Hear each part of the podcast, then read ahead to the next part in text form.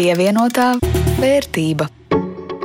Sveicināti! Ir laiks raidījumam pievienotā vērtība par naudu, tās pelnīšanu, prātīgu izmantošanu, arī investēšanu, par biznesu un par ekonomiku. Ar jums kopā Rudīts Pakausks no Latvijas televīzijas un Jānis Ramāns no Latvijas radio.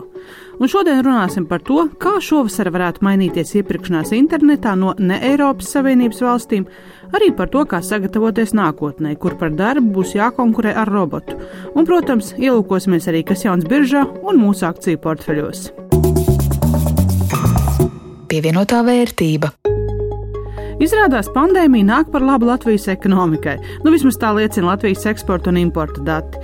Ar visu Covid-19 apturēto un nomākto pasauli 2020. gadā Latvijas preču eksports ir sasniedzis rekordu. Kopējā eksporta vērtība ir 13,19 miljardi eiro, par 224 miljoniem, jeb nepilniem 2% vairāk nekā vēl pirms gada. Savukārt imports sarucis, ievesto preču vērtība 15 miljārdi eiro, joprojām vairāk nekā eksportējam, taču par 5,3% mazāk nekā 2019. gadā. No netik labo ziņu daļas bezdarba rādītāji dodas augšup. Faktiskais bezdarbs janvārī 8,8%. Kopš decembra bezdarbnieku rindas papildinājuši ap 5400 bezdarbnieku un kopumā bez darba ir 84 100 cilvēku. Straujāku bezdarba pieaugumu ierobežojas dīkstāvs pabalsts, ko saņēmuši 55 tūkstoši iedzīvotāji. Augstākais bezdarba līmenis Latgalē - 16%, mazākais Rīgas reģionā - 6%. Valstī kopumā brīvas ir 14,000 vakanču, bet darbinieks meklē finanšu sektorā, būvniecībā un kravu pārvadājumos, un ne visiem šīs vakances der. Ekonomikas ministrija šodien aicinās atvērt visus veikalus un pilnībā atteikties no preču sarakstiem. Veselības ministrs gan šādu priekšlikumu uzskata par bezatbildīgu. Finanšu ministram un premjeram pieaug satraukums par naudas daudzumu speciālajā budžetā, jeb sadaļā līdzekļu neparedzētiem gadījumiem.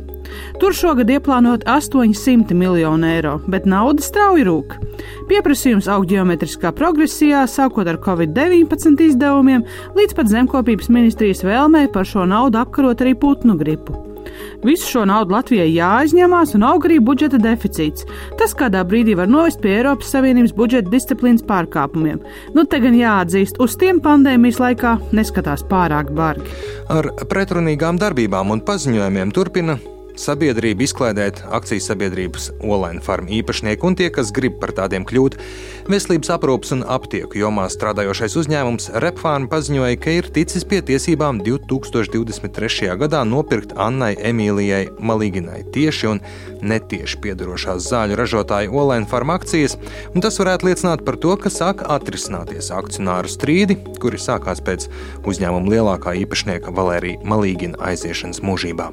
Nu, vai arī tieši pretēji lielāko īpašnieku strīdu gruzdošajām oglēm tiek uzmestas svaigas pagalītes, jo pašas Annas Emīlijas Maliginas pārstāvi šādu darījumu noliedz, sakot, ka informācija ir maldinoša un izplatīta ar mērķi piespiest esošos akcionārus pārdot vienu no Latvijas vērtīgākajiem uzņēmumiem. Interesanti, ka Olaina farma akciju cenu šie paziņojumi principā nekā neietekmēja. Nu, acīm redzot, pie kārtējiem īpašnieku skandāliem visi jau ir pieraduši. Pievienotā vērtība. Šovasar daudziem prātā būs pievienotās vērtības nodoklis, jo spēkā stāsies izmaiņas, kas paredz jau no pirmā centa piemērot pievienotās vērtības nodokli precēm, ko pērkam trešo valstu ASV, Ķīnas, Krievijas un kopš Brexit arī apvienotās karalistes interneta veikalos. Labā ziņa eBay, AliExpress vai kādu citu internetu veikalu pircējiem pašiem nebūs jārēķina un atsevišķi jāmaksā šis nodoklis. To piemēros jau tirgotājs, un pēc tam, piemēram, Ķīnas uzņēmums PVN skaitīs Latvijas budžetā bet vai tas nenozīmēs, ka tirgotāji atmetīs ar roku mazākiem tirgiem, piemēram, Latvijai? Nosaka apjoms tik mazs, ka nav pat vērts reģistrēties un kārtot dokumentus. Kad šo jautājumu uzdevumu Jānim Taukačam, Sorainen partnerim un zvērnētam advokātam, viņš uzsvēra, ka visticamāk tik dramatiskas sekas nebūs. Es neredzu šādu pamatu satraukumam, jo pieregistrējoties vienā dalību valstī, jau šis trešo valstu tirgotājs būs automātiski reģistrējies visam Eiropas Savienības mehānismam. Līdz ar to es neredzu, ka tas tādā veidā notiks. Turklāt no patērētāju viedokļa skatoties, vispār nav jābūt satraukumam par to, ka viņam būs jāveic kaut kādas papildus procedūras.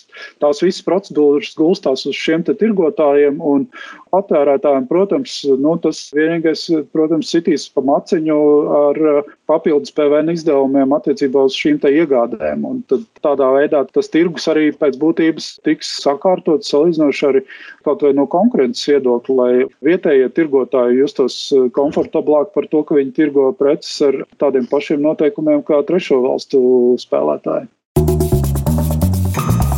Pievienotā vērtība. Pusi no darba vietām aizņems roboti. Biroja darbinieku skaits saruks no 60 līdz 5% no kopējām darba vietām. Gluži kā lauksaimniecībā nodarbināto skaits iepriekšējos simts gados saruka no 80% līdz 2% no darba spēka. Šādi un līdzīgi pareģojumi par darba tirgus nākotni izskan visai bieži, un noteikti tajos ir arī krietni liels patiesības grauds. Ir īpaši tagad, kad pandēmija ar treknu svītru pārsvītro ierasto un ar sāpīgu grūdienu iestūmu mūsu digitālajā nākotnē, mēs kā sabiedrība izmaiņām pielāgojamies, tā konferencē darba nākotne uzsvēra Benjamins Pings, uzņēmuma Cognizat darba nākotnes centra vadītājs.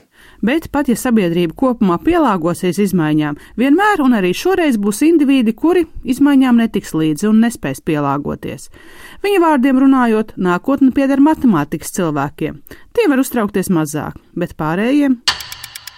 The people without a qualification from Stanford Matemātikas cilvēkiem viss būs kārtībā. Viņi rakstīs programmas un būvēs robotus. Bet būtiskākais jautājums ir par pārējiem. Ko darīsim mēs? Kā mēs uzvarēsim mašīnas? Ja man būtu jādod viens padoms, nēsi slikts robots. Daudzas cilvēku profesijas faktiski cilvēkiem liek izlikties par robotiem, darot šo darbu sliktāk. Pārdevējs kasē, tenisa turnīra tiesnesis, šie darbi izzudīs, jo cilvēki ir slikti roboti. Atbildi ir, esi labs cilvēks ar īpašībām un spējām, kas robotiem nepiemīt. The attitudes, the attributes Tad kādām prasmēm un iemaņām jāpiemīt? To nevar pateikt, atzīst Pings, jo tās iemaņas, kas būs nepieciešamas, strauji mainīsies. Drīzāk esot jārunā par īpašībām, piemēram, zinātnākāru un zinkārību. Vēlme un gatavība uzzināt ko jaunu ir pirmā no deviņām īpašībām, kuras pēc pētnieka domām jāattīsta, lai jaunajā pasaulē ne tikai izdzīvotu, bet arī dzīvotu. Ir jābūt savādam, neparastam. Un ar to es domāju, ka jājauc kopā lietas, kuras šķiet savstarpēji nesaistītas. Apple slepenais ierocis Steve's Jobs bija savādnieks, kam patika gan kaligrāfija, gan piegādes ķēdes un uzņēmumu biznesa vadība. Un šo lietu sajaukšana ir savāda, bet tā radīja veiksmes stāstu. Lai ko tu darītu, jauc lietas. Ja esi grāmatvedis, pieejauc klāt ko savādu. Ja strādā tehnoloģiju jomā, pieejauc klāt ko savādu. Tā var radīt nākotni. Esi elastīgs. Jau Darvins teica, ka izdzīvo nevis stiprākie, bet tie, kas labāk pielāgojas, ir elastīgāki. Mūsu dzīves laikā pasaule mainīsies, un mums jāpielāgojas. Mēs nevaram iegūt vienu iemaņu un pelnīt ar to 50, 60 gadus. Tas vairs nav reāli. Esi smieklīgs, radošuma augstākā izpausme ir panākt, lai cilvēki smejas. Cilvēkiem patīk jautri cilvēki, un cilvēki vienmēr izvēlēsies strādāt ar cilvēkiem, kas liek viņiem smieties. Humors tas nav viegli. Ja tas nesanāk, esi vismaz patīkams. Daudzi cilvēki, ar kuriem es strādāju, nav patīkami, un es cenšos no viņiem pēc iespējas izvairīties. Ja tu esi patīkams, cilvēki izvēlēsies strādāt ar tevi. Tā tad vēl savāds, elastīgs, smieklīgs un patīkams.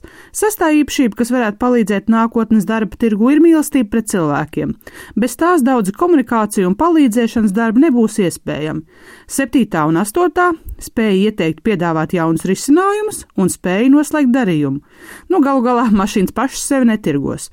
Un pēdējā devītā - gudrība. Un galu galā mēs dzīvojam intelekta laikmetā, un galvenais veids, kā izcelties gan kā individam, iestādēji, uzņēmumam vai sabiedrībai, ir būt gudram. jo gudras mašīnas būs visur. Ja mēs nebūsim tikpat gudri, mums būs problēmas. Te jāatgādina, ka visu konferences darba nākotne var noskatīties portālā LSMLV un darba nākotnes centra ziņojumus bez maksas var izlasīt viņu mājaslapā pievienotā vērtība. Un laiks noskaidrot, vai Jāņa akciju portfeļa vērtības pieauguma skrējiens turpinās.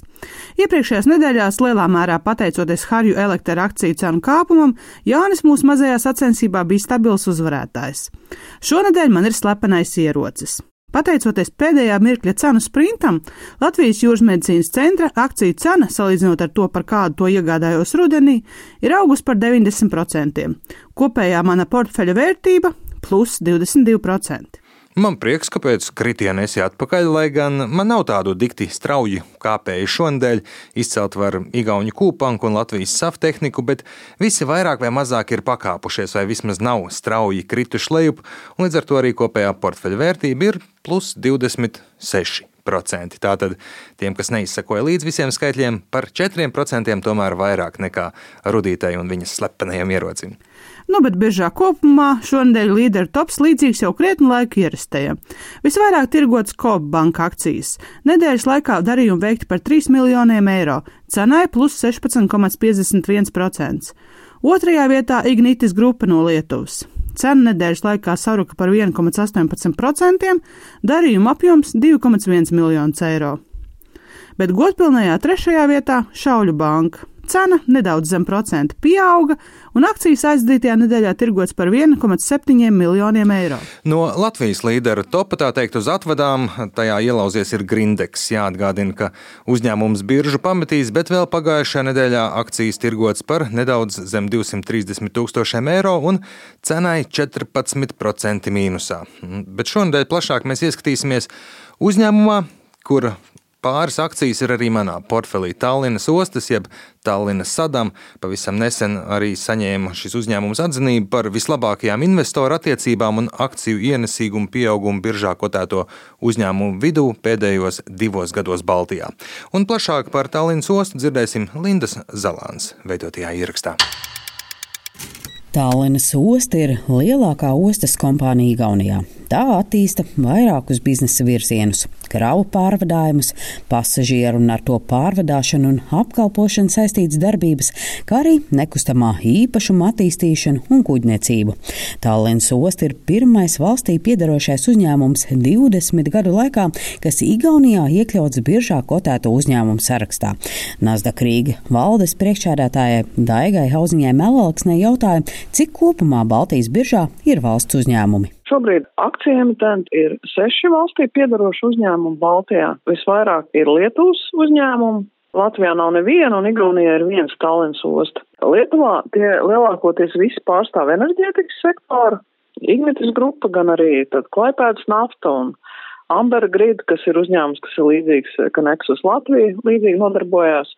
Litgrids, kas ir savukārt augstspieguma tīkliem, līdzīgs uzņēmums un Kaunis enerģija.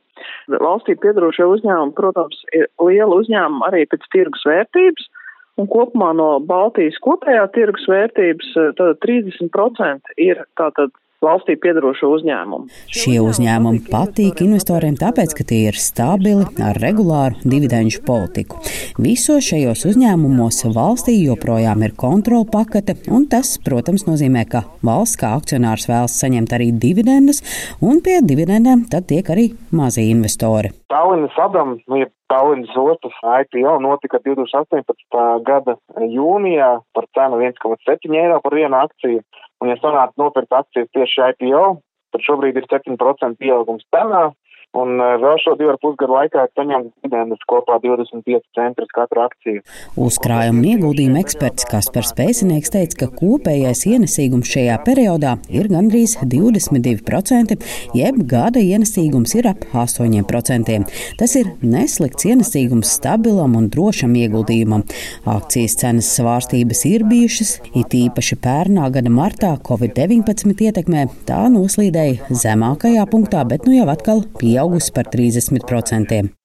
Skatāmies uz Covid-19 ietekmi uz Tallinas ostu, tad ietekme ir izjustusi tiešākajā mērā, jo iepriekš lielākais ienākums segments bija pasažieru pārvadājumu apkalpošana. Pagājušā gada deviņos mēnešos apkalpoto pasažieru skaits kritās par 55% salīdzinot ar 19. gada pirmajiem deviņiem mēnešiem. Līdz ar to kritās arī uzņēmumu ieņēmumi no pasažieru pārvadājumiem par vairāk nekā 17 miljoniem eiro. Pandēmijas dēļ ieņēmumi no pasažieru pārvadājumiem būs ievērojami ietekmēti arī šajā gadā. Bet kāda ir Tallinas ostas dividendžu politika? dividendēs izmaksā vismaz 70% no iepriekšējā gada neto peļņas, un iepriekšējos gados uzņēmums ir kārtīgi maksājis dividendi, un dividendu ienesīgums svārstījās par 6,5% par 20. gadu, un visticamāk arī par 21. gadu dividendas būs mazas, ja mazākas. Pēc manām aplēsēm tas varētu būt kaut kur ap 4% par šī brīža aktīvas cenu. Taču es domāju, ka ilgtermiņā dividendžu ienesīgums potenciāli varētu atgriezties iepriekšējos 6% gadā. Bet vai Tallinas osta ir pievilcīgs uzņēmums ieguldīšanai? Liekas pievilcīgs eh, uzņēmums ieguldīšanai, un tā par pamatu ir gan eh, dividendžu ienesīgums, eh, gan arī iespējamā straujā atgūšanās pārvadāto pasažieru skaitā vasarā drīzāk, ja gada otrajā pusē pēc ierobežojuma atcelšanas, kas attiecīgi strauji uzlabos uzņēmumu darbības rezultātus. Savukārt Daiga Auziņa Mēlālksne uzsver, ka ir svarīgi Latvijā un Baltijā veidot investīciju investīciju kultūru un veicināt, ka iedzīvotāji uzkrāj savai nākotnē un šos uzkrājumus pēc tam investē kāda uzņēmuma akcijās. Tas ir veids, kā cilvēki var nodrošināt teiksim, savu nākotnes labklājību. Līdz to būtu svarīgi valsts uzņēmumu ienākt biržā, jo tas palīdz veidot investīciju kultūru. Jo uzņēmumi ir labi zināmi, un kā mēs redzam arī no, gan no Tallinas ostas piemēra, kur tātad vairāk kā 13 tūkstoši privātu personas ieguldīja, gan no Ignitas piemēra, kur ieguldīja vairāk kā 8000 privātu personas. Šie uzņēmumi var ļoti, teiksim, attīstīt kapitāla tirgu. Vēl viens aspekts ir saistīts ar otro pensiju līmeni, kurā ir uzkrāti ievērojami līdzekļi ne tikai Latvijā, bet Baltijā kopumā, un būtu svarīgi dot šiem pensiju fondiem iespēju ieguldīt Latvijas un Baltijas ekonomikā. Jo šobrīd ir tā, ka Latvijas pensiju fondi iegulda gan Igaunijas ekonomikā, tātad caur Tallinas ostu, gan Lietuvas enerģētikas milžajā Ignitis akcijās faktiski Latvijas pensiju fondi silda Igaunijas un Lietuvas ekonomiku. Daiga Gauziņa Melalks nosver, ka būtu tikai pareizi, ja pensiju fondiem būtu iespēja ieguldīt arī Latvijā, un par to lēmums jāpieņem valdībai. Linda Zalāne, Latvijas radio. Pievienotā vērtība. Ar to arī izskan šodien raidījumam pievienotā vērtība atvēlētais laiks. Ar jums kopā bija Jānis Ramāns no Latvijas radio un Rudīts Pakauska no Latvijas televīzijas par skaņu rūpējās Kaspars Groskops. Šo un citus raidījumus varat klausīties un atrast arī jūsu iecienītākajās podkāstu vietnēs, kā arī, protams, Latvijas radio mājaslapā. Tiekamies šajā pašā laikā un vietā pēc nedēļas.